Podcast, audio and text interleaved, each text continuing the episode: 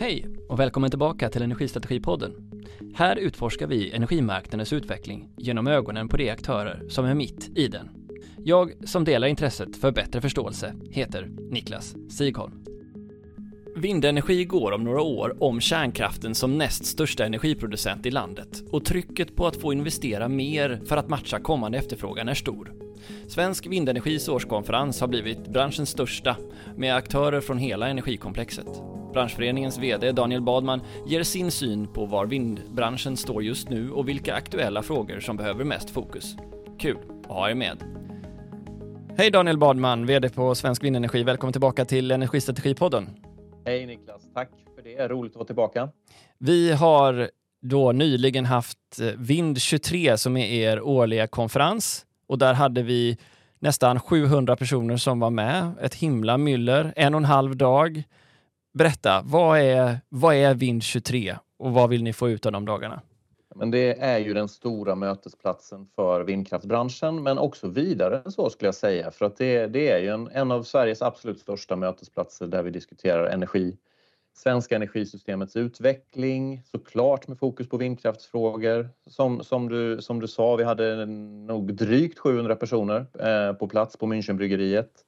Det är en otrolig energi eh, på det sättet att det är mycket människor, mycket möten. Eh, det är en utställningsyta också så att du har möjlighet att ha liksom rena affärskontakter och visa upp nya, nya lösningar. Och sen har vi ett, ett eh, jätteroligt och inspirerande eh, konferensprogram.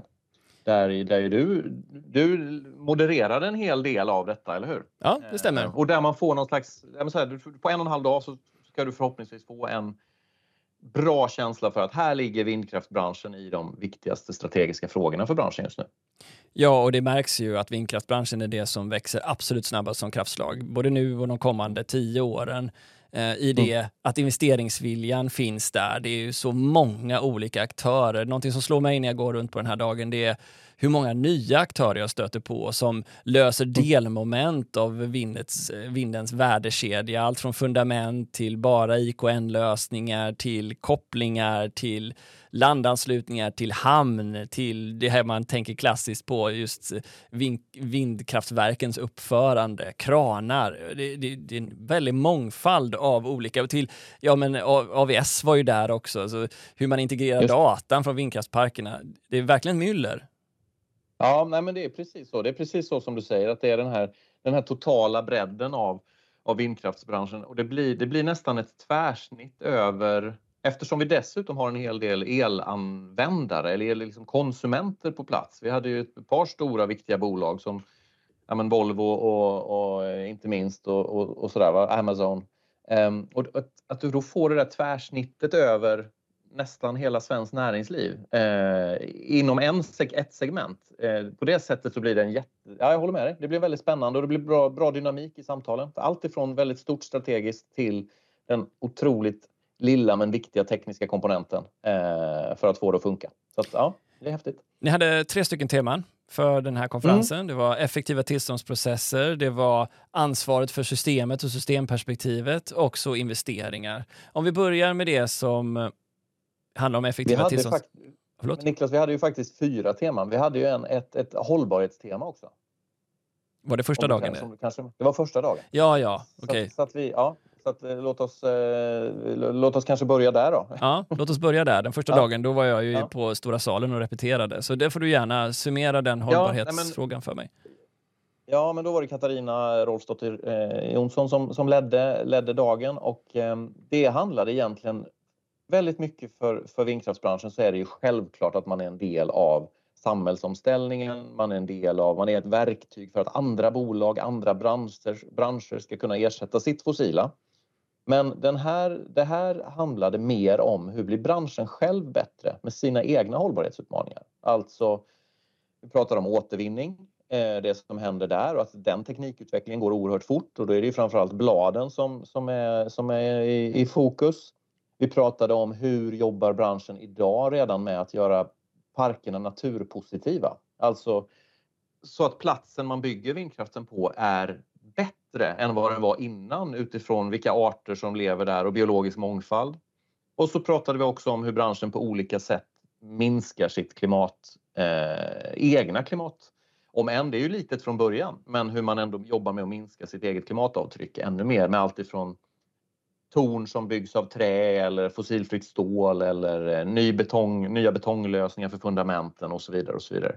Så att det var en väldigt liksom inspirerande, eh, inspirerande för eh, ja, halvdag där som lyfte verkligen att hållbarhet är strategiskt både för vindkraftsbranschens bidrag till att ställa om samhället men också som verktyg för att göra branschen bättre Eh, över tid, som alla branscher måste jobba med. Ja, precis. Det var någon, eh, några saker jag plockade upp därifrån, bland annat den just hur mycket material som också in, måste in i i vindkraftsbranschen i Europa. Jag förstod att fram till 2025, om jag minns siffrorna rätt, så var det 20 000 ton eh, då kompositmaterial mm. i form av vindkraftsblad som behöver ja, det, det ja, men så självklart, som, självklart ska, när det är dags att, att, byta, byta teknik, som självklart ska hanteras på ett bra sätt och som naturligtvis behöver, behöver bestå av eh, ja, men från början vara material som kan återvinnas eh, och så vidare. Så det är precis som alla branscher eh, så måste vindkraftsbranschen hela tiden bli, bli bättre även, även på det här området. Jag träffade ett holländskt bolag ja. på, på, som, som sysslade med att göra vindkraftbolag, eh, vindkraft, utnyttjade vindkraftsblad till bullerskydd i Holland. Det var väl du också ja, med och det. lyssnade Absolut. på? Va? Visst är det fascinerande? Ja, men superspännande. Ja. Vi hade en grej, jag måste bara säga det apropå hållbarhetsblocket också. Vi hade en panel med ungdomspolitiker eh, som var, eh, det var många som pratade om den efteråt, men som verkligen gav den här energin, hoppfullheten att eh, ja, men, och det där trycket som jag tror vi som då någonstans tillhör det lite mer etablerade delen behöver från, från unga människor att sätt fart nu hörni. Eh, se till att lösa klimatutmaningen. Vi kan inte sitta och vänta. Och det var ju otroligt inspirerande. Ja, det som jag plockade upp, jag lyssnade på just den debatten, det var också mm. den underliggande frustrationen i budskapet ni måste, ja. det är ert fel. Vår generation har inte gjort det här. Ni måste se till att bli snabbare. Vi kan inte sitta och vänta. Ungefär så, en, en uppbyggd frustration. Ja. En väldigt, nej men en väldigt bra, bra tydlig signal och, och ett viktig, viktig drivkraft för, för oss som har, som har möjlighet på olika sätt att, att, eh, att sätta fart på klimatomställningen. Så att, äh, jätte, ja, det var väldigt inspirerande. Okej. Effektiva tillståndsprocesser mm. är ju ett kärt barn som har återkommit alla de tre åren jag har varit med åtminstone.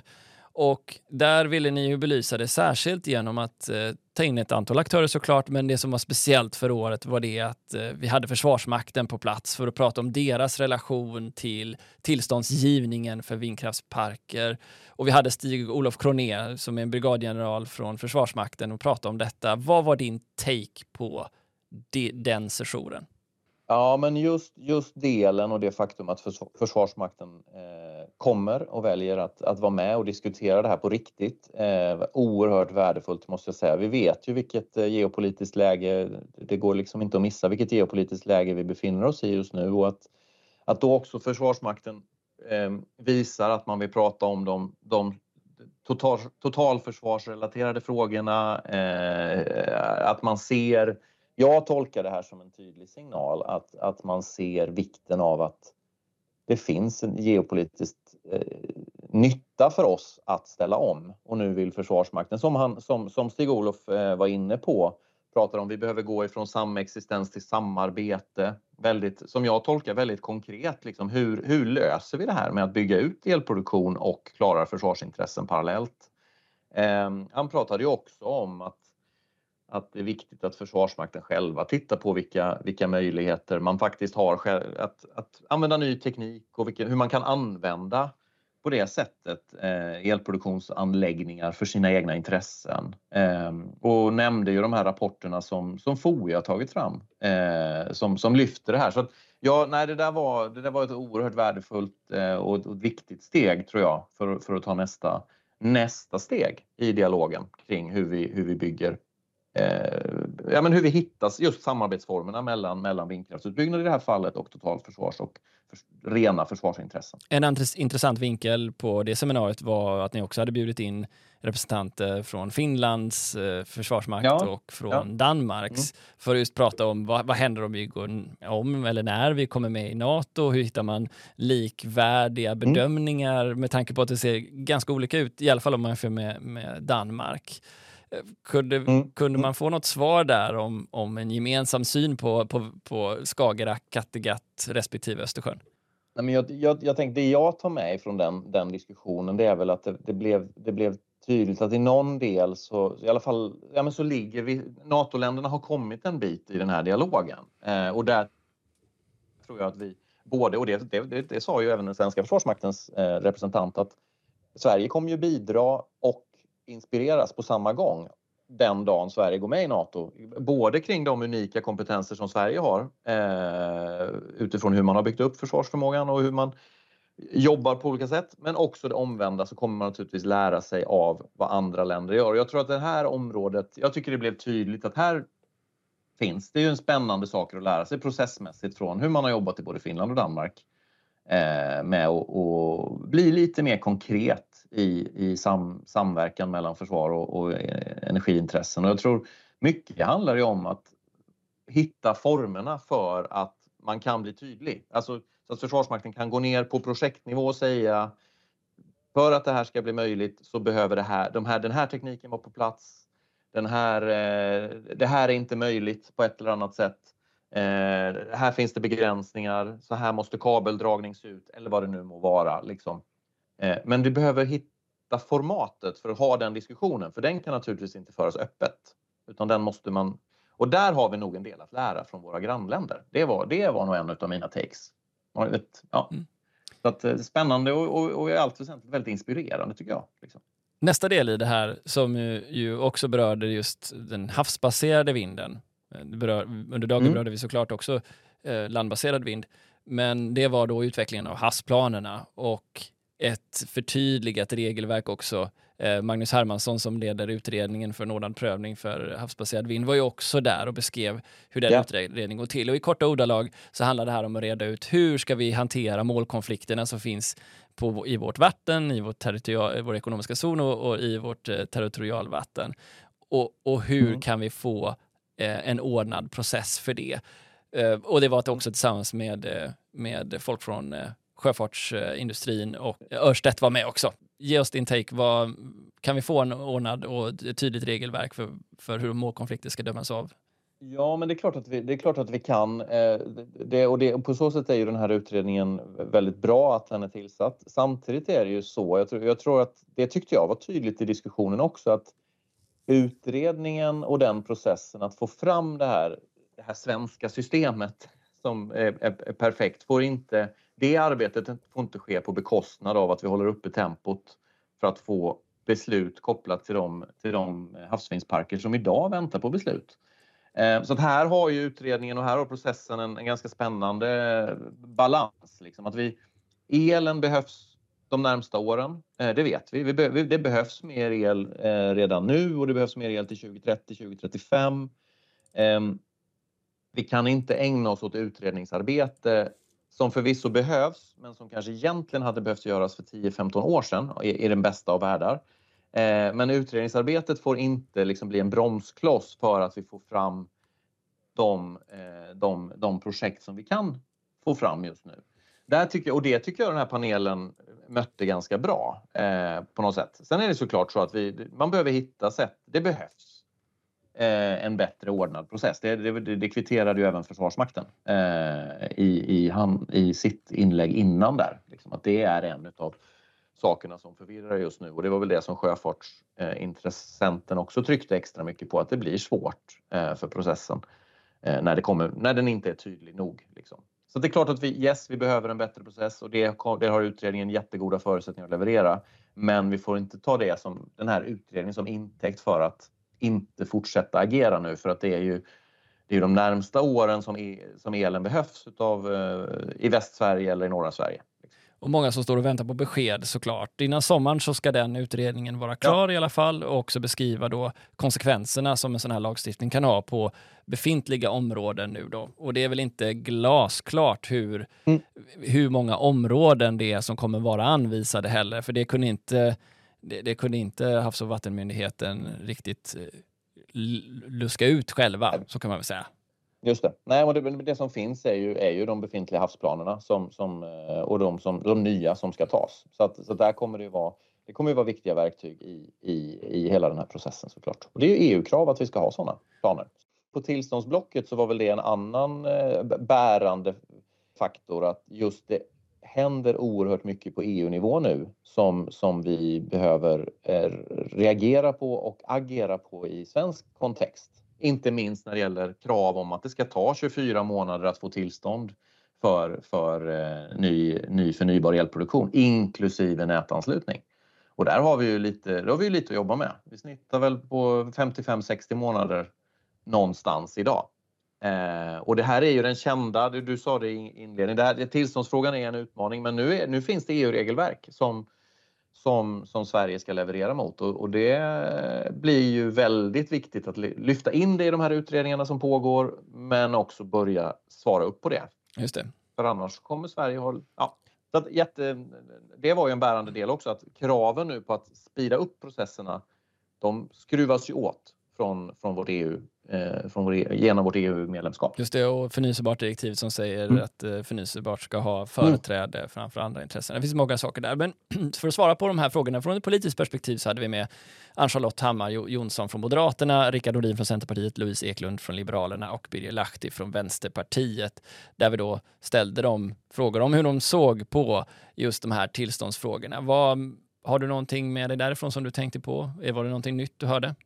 Eh, kanske inte så väldigt mycket nytt, eh, det tror jag inte, men, men jag tycker nog att jag fick en känsla för att det finns en allmän, eh, det, var ju, det var en bred panel, det finns en allmän eh, insikt eh, i politiken om att, om att eh, tillståndsfrågorna behöver, vi behöver få mer fart på tillståndsprocesserna. Den, den, den, den insikten är ju där. Sen så saknar man ju kanske fortfarande eh, action. Liksom. Det, behöver ju, det behöver ju hända saker också. Vi behöver ju få ordning på, på vetot till exempel så att det blir, det blir en mer rättssäker process. Vi behöver Frågan om incitament till kommunerna var ju uppe på, i den här politikerpanelen som ett jätteviktigt verktyg att kommunerna faktiskt får fastighetsskatten eller, eller, någon, eller någon annan statlig skatt som, man, som betalas idag. Um, där kändes det väl som att det var mer, eh, vi var närmre eh, än vad vi varit tidigare, att det kanske kan realiseras. Men det är ju viktigt att det här nu verkligen också förverkligas som en helhet. Så det är väl lite den, att gå från ja, medvetenheten finns där om att tillståndsprocessen är en utmaning, men det behöver ju hända saker. Eh, och då tror jag den här, där finns det ju en lågt, jag ska inte säga lågt hängande frukt, men den är det på det sättet att det finns färdigutredda delar när det gäller att eh, göra vetot mer rättssäkert, eh, skapa ordning i den här när det gäller incitament till närboende. Det har ju varit en utredning som precis har gjorts eh, och, och, där många delar är bra, men också att man lägger till det tredje benet om just incitamenten till kommunerna eller ersättning från staten till kommunerna. Gör man det paketet ganska snart så, så, eh, så kommer det ju förändra läget tror jag, ganska radikalt. Och jag tyckte nog att i politikerpanelen så är vi närmre det än vad vi har varit innan. Ja, för det är väl värt att ta upp frågan om just Moderaterna eftersom de i den här helgen också har eh, haft en debatt och eh, försökt hitta en uthållig position för sitt parti i frågan. Nu kunde inte Ann-Charlotte på den här panelen säga som förekomma den dialogen som ju skedde efter själva konferensen. Men Kristoffer Fjellner var där dagen innan och berättade om sin position. Där de dels då föreslog inför partistämman att eh, vetot skulle inte tas bort men bli mer förutsägbart och tidigare läggas samt att man då skulle öppna upp för att det skulle finnas någon form av kommunal del mm. i, i, i vindetableringsfrågan. Mm. Ja, men ersättnings... Ja. Om du tar den eh, som du har fått med dig av vad du har sett från, från stämman och det som hände i Umeå. Eh, har, vi, har vi fått till en förflyttning nu? Nej, men jag tror det, det, som, det som var väldigt viktigt, eh, som jag ser det som Moderaterna eh, gjorde, det är ju att man tydliggör hur, att man sätter ner foten, att vindkraftsutbyggnaden och utbyggd elproduktion, det är en nyckel för svensk konkurrenskraft och svensk industriell konkurrenskraft. Och det var ju startpunkten någonstans och därmed först sätta den eh, riktningen, jätteviktigt. Helt i linje med vad Svenskt Näringsliv och, och eh, basindustrin och de industriella aktörerna liksom ser framför sig. Så väldigt bra att ta den kappan. Eh, och sen när man bryter ner det så är det ju tydligt budskap om att tillståndsprocesserna ska gå fortare. Eh, det behövs ett incitament, man behöver utreda ett incitament till, till kommunerna. Det är, ett jätte, det är en väldigt viktig signal, eh, en, en förändring för, från, från Moderaternas sida. Eh, man har inte varit tydlig med det här innan. Och sen så var den stora diskussionen naturligtvis hur, hur mycket kan vi förändra vetot. Jag tolkar utkomsten som att Ehm, det kommer, det är viktigt att kommunernas roll eh, finns, är tydlig och klar och att det behövs mer information i tidigare skeden eh, till kommunerna för att man ska kunna gå vidare.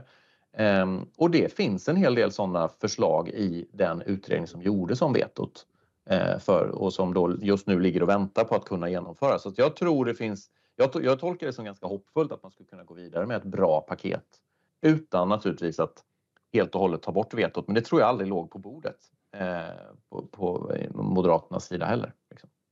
Okej, okay. så det får vi se om det leder till att kommuner börjar konkurrera om att få vindkraftsetableringar eh, som det har blivit delvis i, i Finland då. Men nästa del som handlade om systemet och integrationen i systemet har bottna i och har sin bakgrund i att det trots allt blåser olika mycket vid olika tillfällen på dagen och året och att det därmed också då produceras ojämnt från en vindkraftspark. Och det här har ju lett till en politisk diskussion om vad stabilitet i nätet är som har blivit ganska teknisk. Så för att möta det så frågar sig då vindkraftsbranschen och ni vill lyfta frågan om hur kan vindkraftsbranschen själv bidra till systemnyttotjänster där man kompenserar för både frågan om variabilitet i produktionen men också kvalitetsfrågor på, i, elnäts mm Eh, i elnätsdesignen kan man väl kalla det för. Ja. Och den första panelen som var intressant var att ni hade bjudit in då forskare från, eller professorer från både Chalmers i form av Lisa Göransson, KTH i form av Lennart Söder och Anna Krook från Luleå tekniska högskola som är välrenommerade och etablerade professorer inom antingen elkraft eh, eller eh, energisystemdesign. Ehm, och då ställde jag ett antal frågor till dem om vad det är som egentligen gäller i debatten. För jag hänvisade till att enskilda politiker går ner på elkvalitetsfrågor, på fasförskjutningsfrågor, på, på övertoner. Ja, det tenderar att bli väldigt tekniskt och så frågar de vad, vad är egentligen möjligt och vad är inte möjligt? Vad är politiskt och vad är tekniskt? Vad tog du med dig från den här eh, panelen? Ja, men för det första var det ju, det var en jätte, jättebra panel tycker jag med, med mycket, mycket mycket matnyttigt eh, och det, det, är alltid värdefullt att få den här liksom akademins perspektiv. Ehm, jag tycker att den taken från min sida det är, det är att tekniskt är, är, är det mesta möjligt. Om man ska vara helt ärlig. Låsningarna sitter i andra saker. Det sitter i politik eller det sitter i marknadsmodeller eller det sitter i alltså, ersättning, att få ersättning för vissa saker eh, som man levererar. Eh, men, att, men att teknik, eh, det är det minsta vi behöver vara oroliga för. Det, det, är, min, det är min take utav den, den debatten. Och, och också att, som, som någon sa, att det är ganska naturlig utveckling att när vindkraften växer som den gör, vi vet att om två år är vindkraften och kärnkraften lika stora.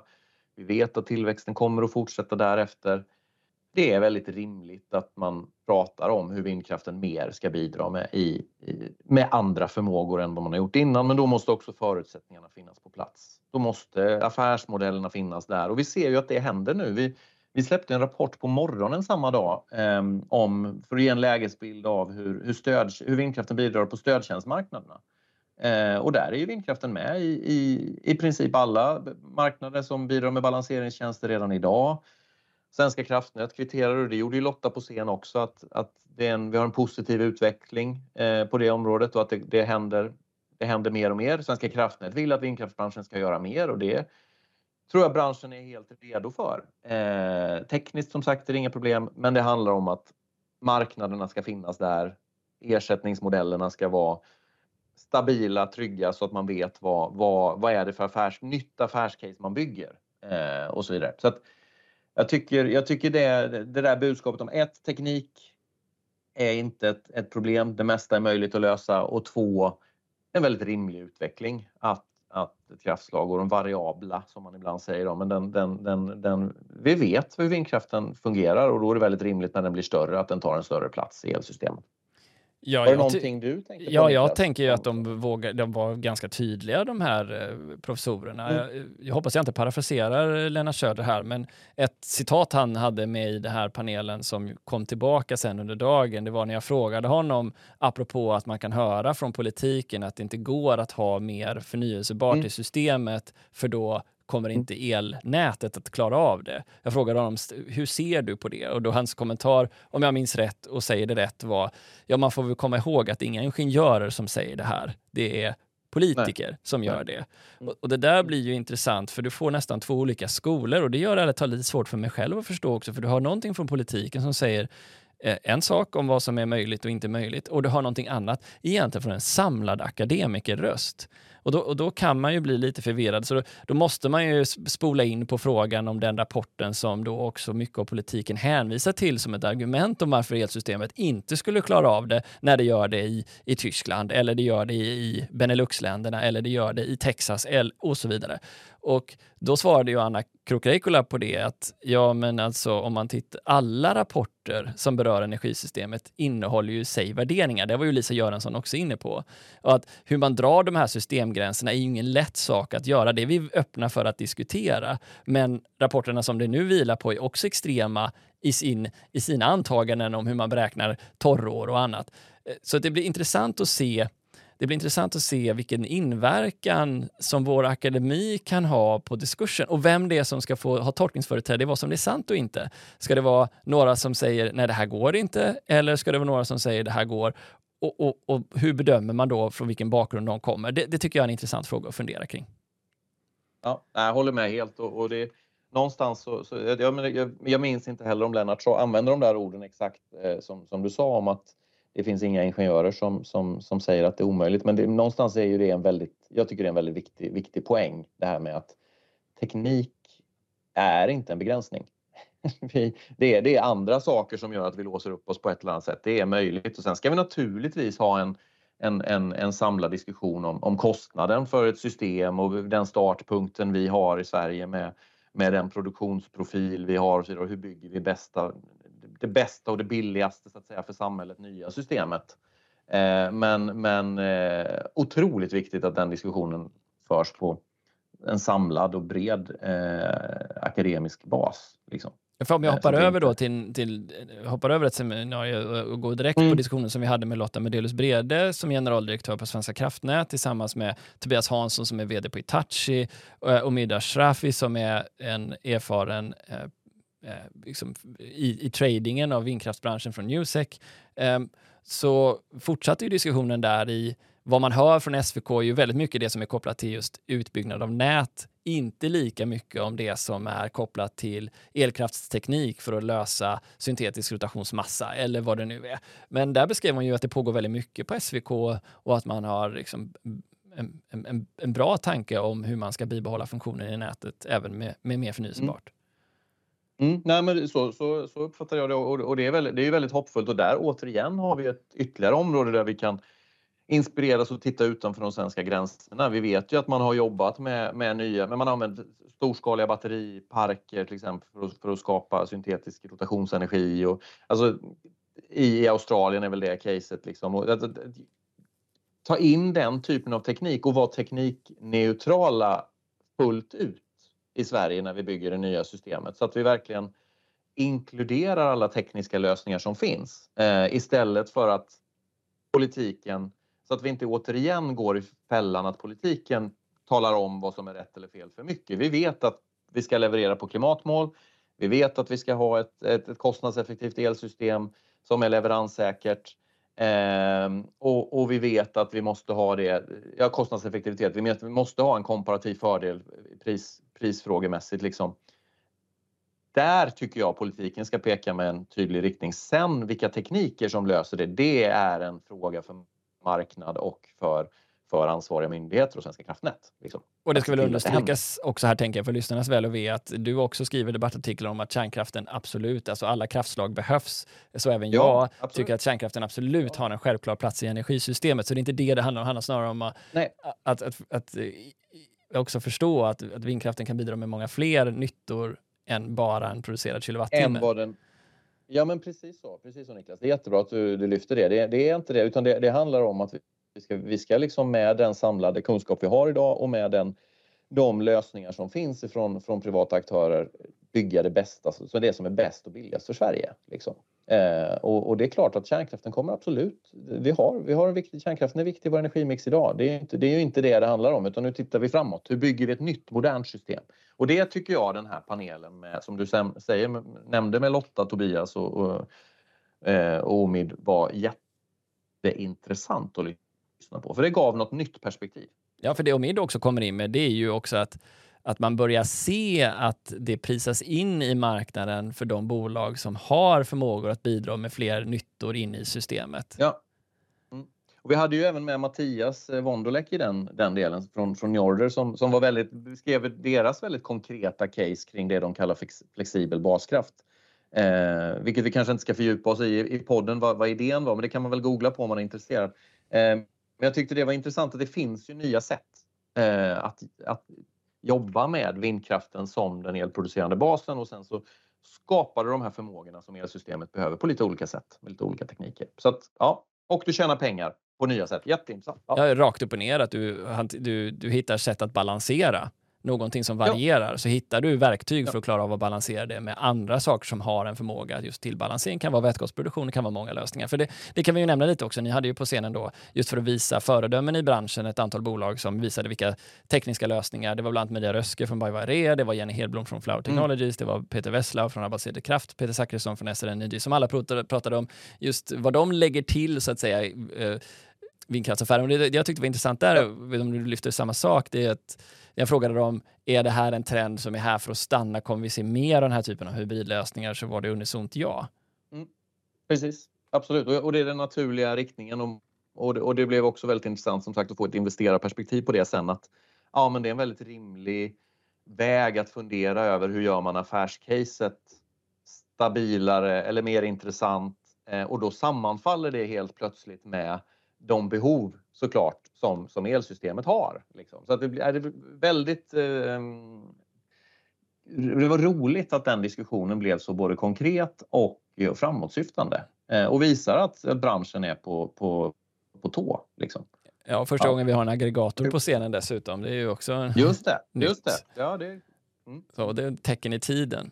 Sen gick vi över på investeringsklimatet i Sverige. Vill det internationella kapitalet fortfarande komma till Sverige? Hur bedömer man Sverige? Och ni hade ju bjudit in två europeiska eh, perspektiv på det här. Då dels genom eh, eh, Konrad Pfaff från Renewable Power Capital och sen så hade vi också med då Eberhardt, jag kan inte kanske exakt uttala hans efternamn, men Römalkotti hoppas jag, från, från Axpo som berättade om, om eh, externa eller internationella investeringar och det var väl ett, ett idelt, Sverige är ett väldigt positivt land att investera i, men vi ser att det finns en politisk osäkerhet och långa tillståndstider. Om vi sammanfattar jag det ungefär rätt då? Ja, men så, så läser jag det också. Och att man, det, det finns en del fundamenta på den svenska vindkrafts... Förutsättningarna för att bygga vindkraft i Sverige som, som är, är väldigt intressanta. Liksom dels, vi har bra geografier, vi har goda vindlägen, vi har lång kust, grundkust, så att det finns liksom en bra, bra bas rent förutsättningsmässigt. Och sen finns det en reell efterfrågan från industrin. Eh, det är inte en politiskt skapad efterfrågan utan det är industri som behöver mer el på väldigt kort, eh, med, med kort tidshorisont.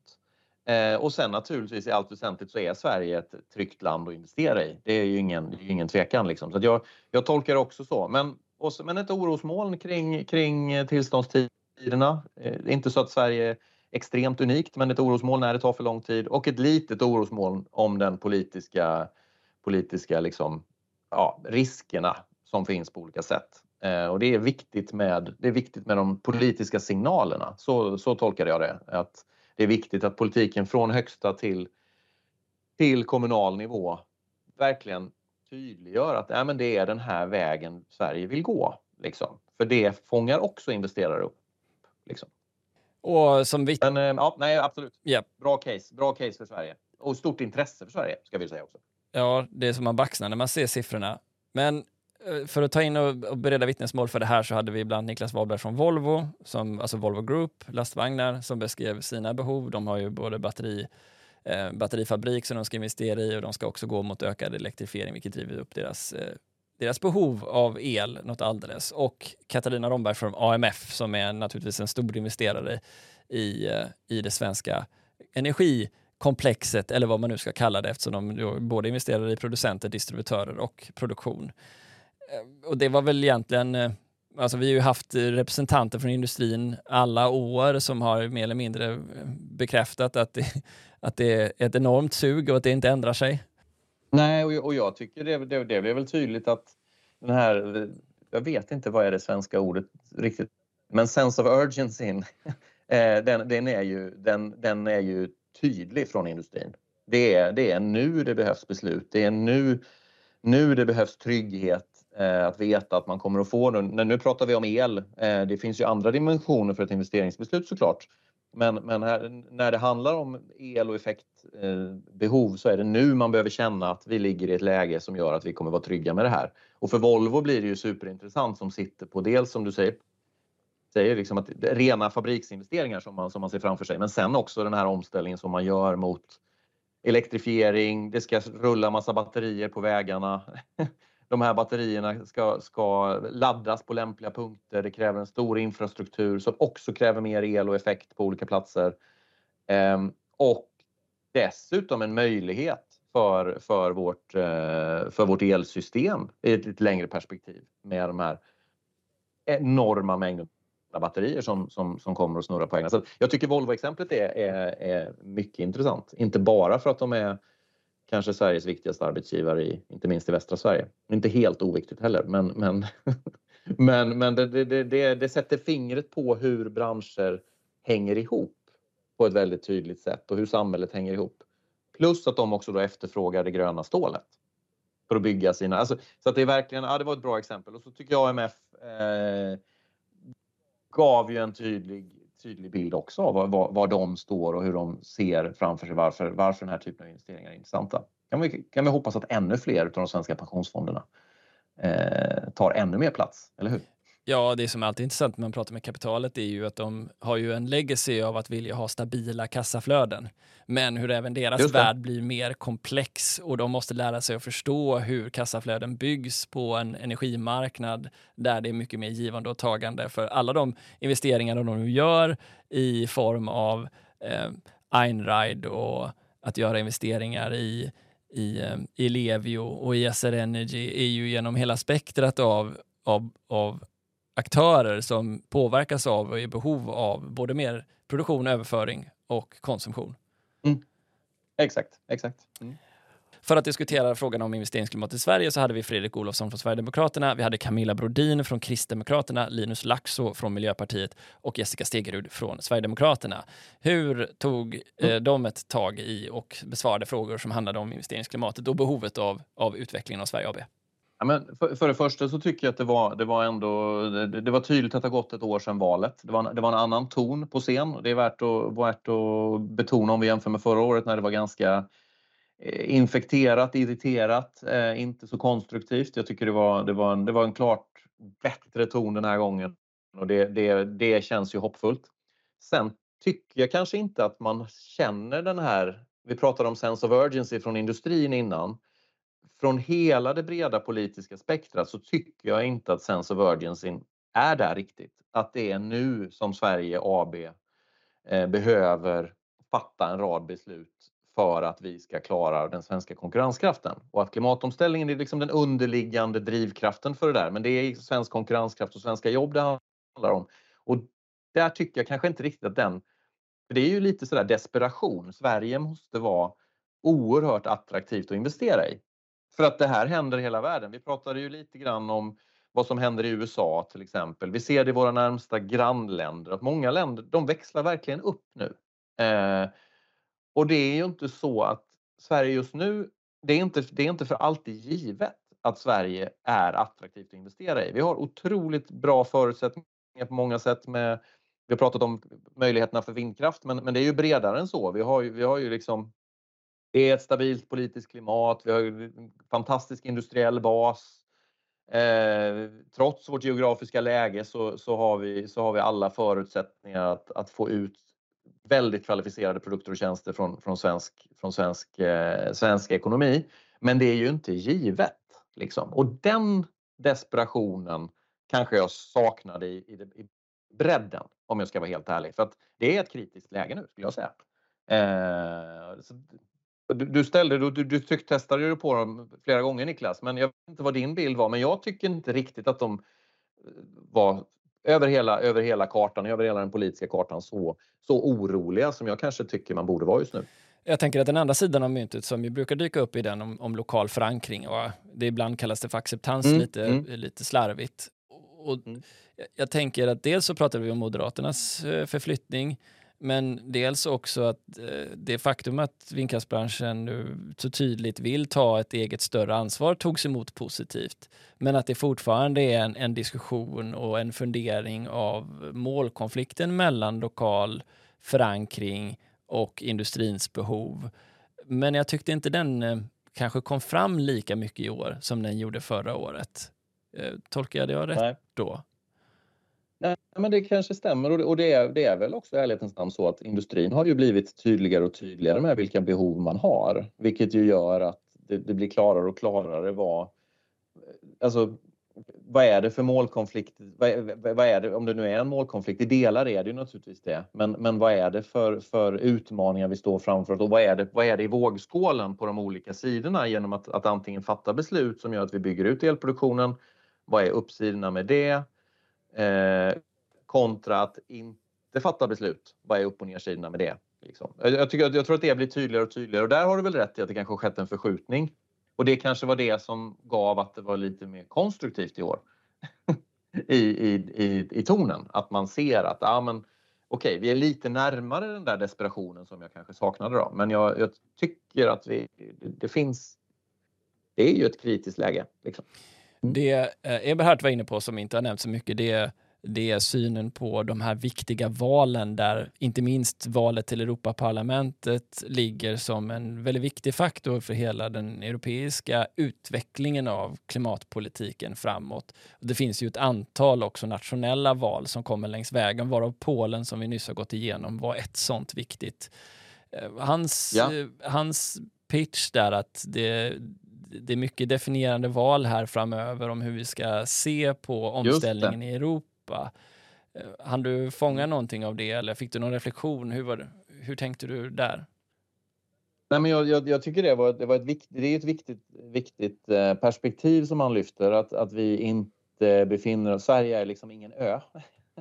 Eh, utan vi påverkas, Sverige påverkas naturligtvis också av hur, hur, vissa, hur, hur, våra, hur, hur, stora, andra stora viktiga ekonomier och hur länder i vår närhet förändras. Alltså, Pol, valen i Europa är ju oerhört viktiga för, för hur, eh, hur, hur EU-politiken kommer att definieras framöver. Eh, så att jag tycker det, det där var en viktig påminnelse på samma tema, fast kanske en annan pusselbit av det då. då för att det finns ju eh, just det här att Sverige är inte en ö, vi är vi ska vara måna om vårt investeringsklimat. Vi ska vara medvetna om vad som händer, vad, vad, vad vi har våra, vad vi har våra för bästa sidor. För att det påverkas också av vad andra länder, utvecklingen i andra länder. Och valen är ju naturligtvis någonting som definierar i vilken riktning kommer till exempel Polen gå. Eh, och vad, kommer det, kommer det vara, göra att Sverige får en komparativ fördel eller inte? Kommer det påverka vad som händer i EU när det gäller EUs ambitioner på olika sätt? Eh, det är, jag tycker det var, det var en viktig, viktig pusselbit eh, att, att, lägga in i, i, i den svenska diskussionen som vi kanske inte har så ofta faktiskt. Vi, vi, blir, vi tenderar att bli lite inåtvända liksom, eh, i, den, i den politiska debatten. Eh, men, men det är klart att valet i, i, i USA, han lyfter USA, Polen, eh, Frankrike om jag minns rätt och, och ett par länder till. Det är, det är hyggligt viktiga ekonomier. Så är det. Jag byter raskt spår här för att komma vidare. En sådan sak som kanske inte heller är helt transparent för folk utanför branschen är den om att hela värdekedjan för vind eh, måste stärkas för att det här ska bli av. Och för att diskutera det här så hade ni bland annat Business Sweden, Wind Europe och NKT, då det här danska stora kabelföretaget som ju behövs. Och det, det är så många olika moment av värdekedjan som behöver stärkas för att ja, kostnadsparitet ska vara uppfylld och det inte ska bli flaskhalsar och Just vad det. det nu är. Um, var ska vi ta med oss från det? Jag, tror, jag, jag, tänker att det är två delar. Dels, dels så är det det som Wind Europe uh, trycker på och det som också bekräftades i det vindkraftspaket viktig del som kom, kom, som kom igår faktiskt från, från EU-kommissionen, nämligen det faktum att det är viktigt att vi har en stark europeisk vindkraftsvärdekedja. Eh, det är viktigt för att leveranser ska klaras här. Det är viktigt för att vi ska ha teknik. Konkurrens, konkurrenskraftig teknik är viktig för utbyggnaden i Europa regionalt. Liksom. Så det var, det var den ena liksom, pusselbiten. Att det, det är strategiskt viktigt att vi har en stark europeisk värdekedja. Den andra delen är ju det faktum att Sverige, även om vi inte har turbintillverkning, så har vi komponenttillverkning av yppersta världsklass. Och det har ju Business, Business, Business Sweden tittat lite djupare på, särskilt på havsbaserad. Hur ser den svenska leverantörsbasen ut? Och den är ju otroligt imponerande. Um, Hitachi är ju det välkända exemplet med sin 147 miljarders affär eller vad är det? Ja. Eh, och, ja, och, och, och, det är ju, det är ju liksom någonstans kronan och dragloket men det finns otroligt många andra bolag som gör stora och viktiga affärer och som är viktiga för att förnybar elproduktion ska byggas ut runt om i världen och i Sverige. Det är bolag som SKF och allt möjligt och NKT blir ytterligare ett bra exempel som faktiskt precis då som Hitachi nu investerar i, i Blekinge. Eh, en ny fabrikslina som är driven av att, av att vindkraftsbranschen växer. Och, och den där, den där, den där liksom dubbla bilden av att det är viktigt att ha regional leverantörsbas och Sverige är verkligen centrala.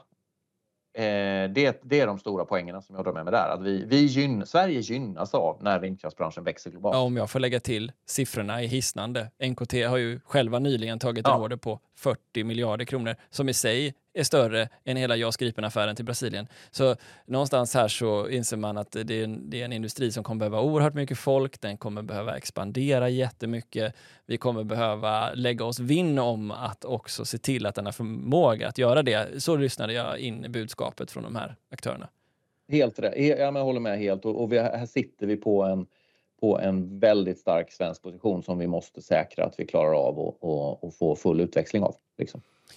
Ja, det var inspirerande. Diskussionen med Energimyndigheten och dess generaldirektör Robert Andrén gick ju mycket i linje med det som du har pratat om nu, nämligen behovet mm. av att fortsätta jobba brett med hela energisystemet i fokus, där alla olika kraftslag har sitt att bidra med in till systemet och inte bli för snäv utan titta brett så uppfattade jag Robert. Men också att tillståndstiderna är ett bekymmer. Vi behöver fortsätta jobba med dem. Vi behöver se över, om jag förstod saken rätt, eh, förutsättningarna för att göra mm. det rätt och att vi behöver fortsätta att satsa på flexibilitetsfrågorna eh, för att kunna hantera systemet klokt. Eh, är det någonting mer du vill tillägga från dialogen med, med Robert?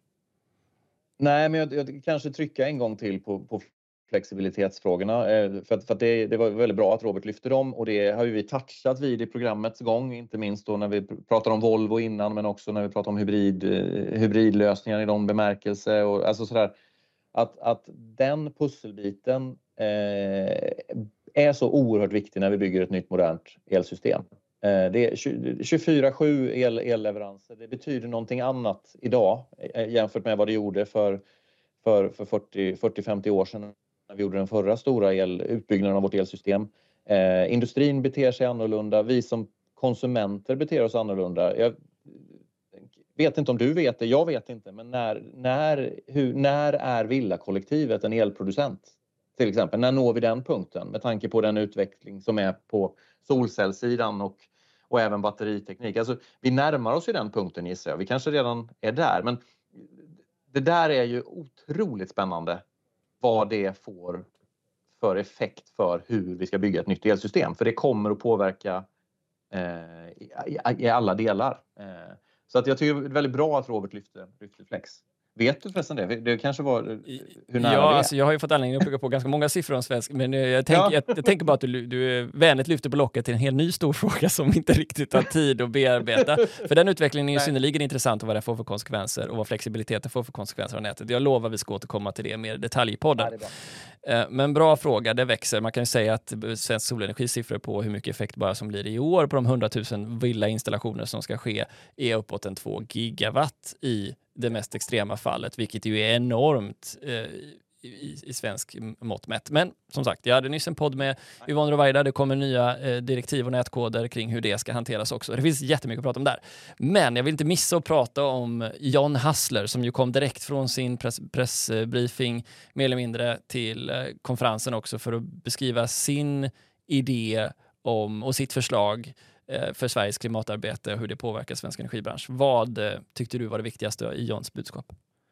Jag tycker att han, han, det, det faktum att han trycker på huret just nu, det, det återkommer han ju till flera gånger, att det är inte en fråga om om eh, eller inte ens i hans beskrivning är det inte heller en fråga om i, hur, hur mycket vi ska leverera på klimatområdet, för det har EU redan definierat. Eh, det finns ingen som helst diskussion om något, hur, eh, om något, om något eh, varför, liksom, utan det här, nu är det bara fråga om hur. Det här behöver göras. Och det tycker jag var ett väldigt viktigt, viktigt budskap. Han kopplar ju ihop Eh, klimatomställningen med eh, det här med, med industrins konkurrenskraft väldigt tydligt. Det tycker jag också är väldigt viktigt, för det är ju det som står på spel just nu och att vi står inför någon slags vägval i Sverige. Vill vi vara det land där vi utvecklar teknik och lösningar. kan vara grönt stål, kan vara gröna petrokemiprodukter eller det kan vara de framtidens bränslen. Vill vi vara det landet som fullt ut tar tillvara den potentialen eller vill vi inte? Det är liksom det som jag tolkar som att han sätter, det är det vägvalet vi står inför. Eh, min tolkning är att han lutar åt att vi ska, vi ska ta tillvara det här och det är den kraften vi ska jobba mot. Och eh, det tycker jag är en viktig komponent i klimatdebatten framöver. Eh, sen pekar han ju på vindkraftsområdet på en, del, en hel del frågor också. Med tillståndsområdet behöver, behöver speedas upp. Han lyfter också frågan om att det är viktigt att kommunen får, får incitament på de väldigt konkreta åtgärderna men att kommunen får någon form av ersättning för att man är med på, den här, eh, på det här huret eh, om att vi ställer om samhället nu. Eh, det, tror jag, det tror jag är viktigt och bra att han ser det som effektivt. Eh, så. Så att eh, jag, jag, tar med mig de två framförallt och oerhört tacksam att, att, John, att John eh, avsatte tiden att springa från, från eh, Studio 1, tror jag det var, eller Ekot, eh, till, till vår konferens och avsluta den. Ja, just det. Det är ju naturligtvis mycket i John Hasters rapport som vi ju inte berörde eftersom det här var ett just vindperspektiv ja. på det. Men det var ju helt klart att hastighetsperspektivet var en fråga som han definitivt hade omfamnat när det gäller konkurrenskraft för Sverige. Nej, men precis, precis. Och, och 2030 i den dimensionen är ju, är ju o, o, tvivelaktigt väldigt, väldigt viktigt. Sen pratade vi inte om, och det är ju inte heller vindkraftsbranschens mest avgörande fråga, alltså transportmålen och, och så vidare. Men, men det, det, det kommer väl att diskuteras eh, på annat sätt. Ja, och sen var det egentligen du och jag som summerade dagen då och det har vi gjort nu ytterligare lite mer i detalj. Mm. Vad har vi nu att se fram emot? Vad ligger närmast för dig och för vindkraftsbranschen att ta tag i i det året som kommer i, i upptakten för Vind 24? Nej, men det, det, det, det, är klart att vi kommer att jobba vidare med de här temana som egentligen är bärande för oss. Alltså, hur blir vindkraftsbranschen mer hållbar själv? Hur, hur eh, jobbar vi vidare med tillståndsprocesserna och där inte minst det som sker på europeisk nivå kommer vara väldigt viktigt. Hur implementeras det i Sverige? Ehm, och hur säkerställer vi att vindkraften tar en större roll eh, och att förutsättningarna ges för att vindkraften ska ta en större roll för att bygga det robusta elsystemet och så tror jag att det vi, frågan om investeringsklimatet och den internationella konkurrensen, det kommer bli en allt växande fråga. Eh, allt viktigare för då ställs det till sin, på sin spets. Eh, hur ska Sverige klara hela industrins behov och då måste investeringsförutsättningarna för vindkraft, det är en pusselbit i det, men det är investeringsförutsättningar för hela, för hela, hela AB Sverige som, som måste vara i fokus. Eh, så att jag ser nog framför mig att de teman som vi, vi pratar om på vind, de kommer vara väldigt givna att, att eh, jobba vidare med. Och sen så laddar vi upp för ett nytt vind 2024. Får vi se hur formatet blir, hur storleken blir. Eh, men, men det ska bli riktigt, riktigt bra det också. Du Daniel, stort tack för din tid och dina insikter här i podden. Stort tack Niklas.